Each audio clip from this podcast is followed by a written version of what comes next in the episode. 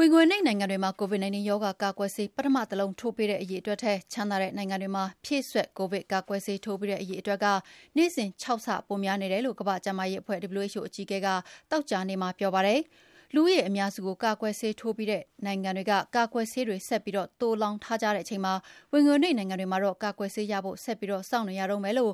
WHO အကြီးအကဲ Tedros Adhanom Ghebreyesus ကသောကြာနေ့သတင်းစာရှင်းလင်းပွဲမှာပြောဆိုသွားပါတယ်။ကမ္ဘာလုံးဆိုင်ရာကာကွယ်ဆေးတန်းတူညီမျှမရတာနဲ့ပတ်သက်ပြီးဒါ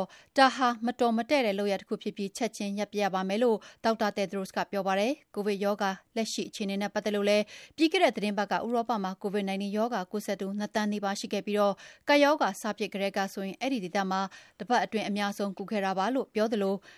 ကိုဗစ်ကြောင့်သေဆုံးသူအရေအတွက်ထက်ဝက်ကျော်ရှိတယ်လို့လည်း WHO အကြီးအကဲကပြောပါတယ်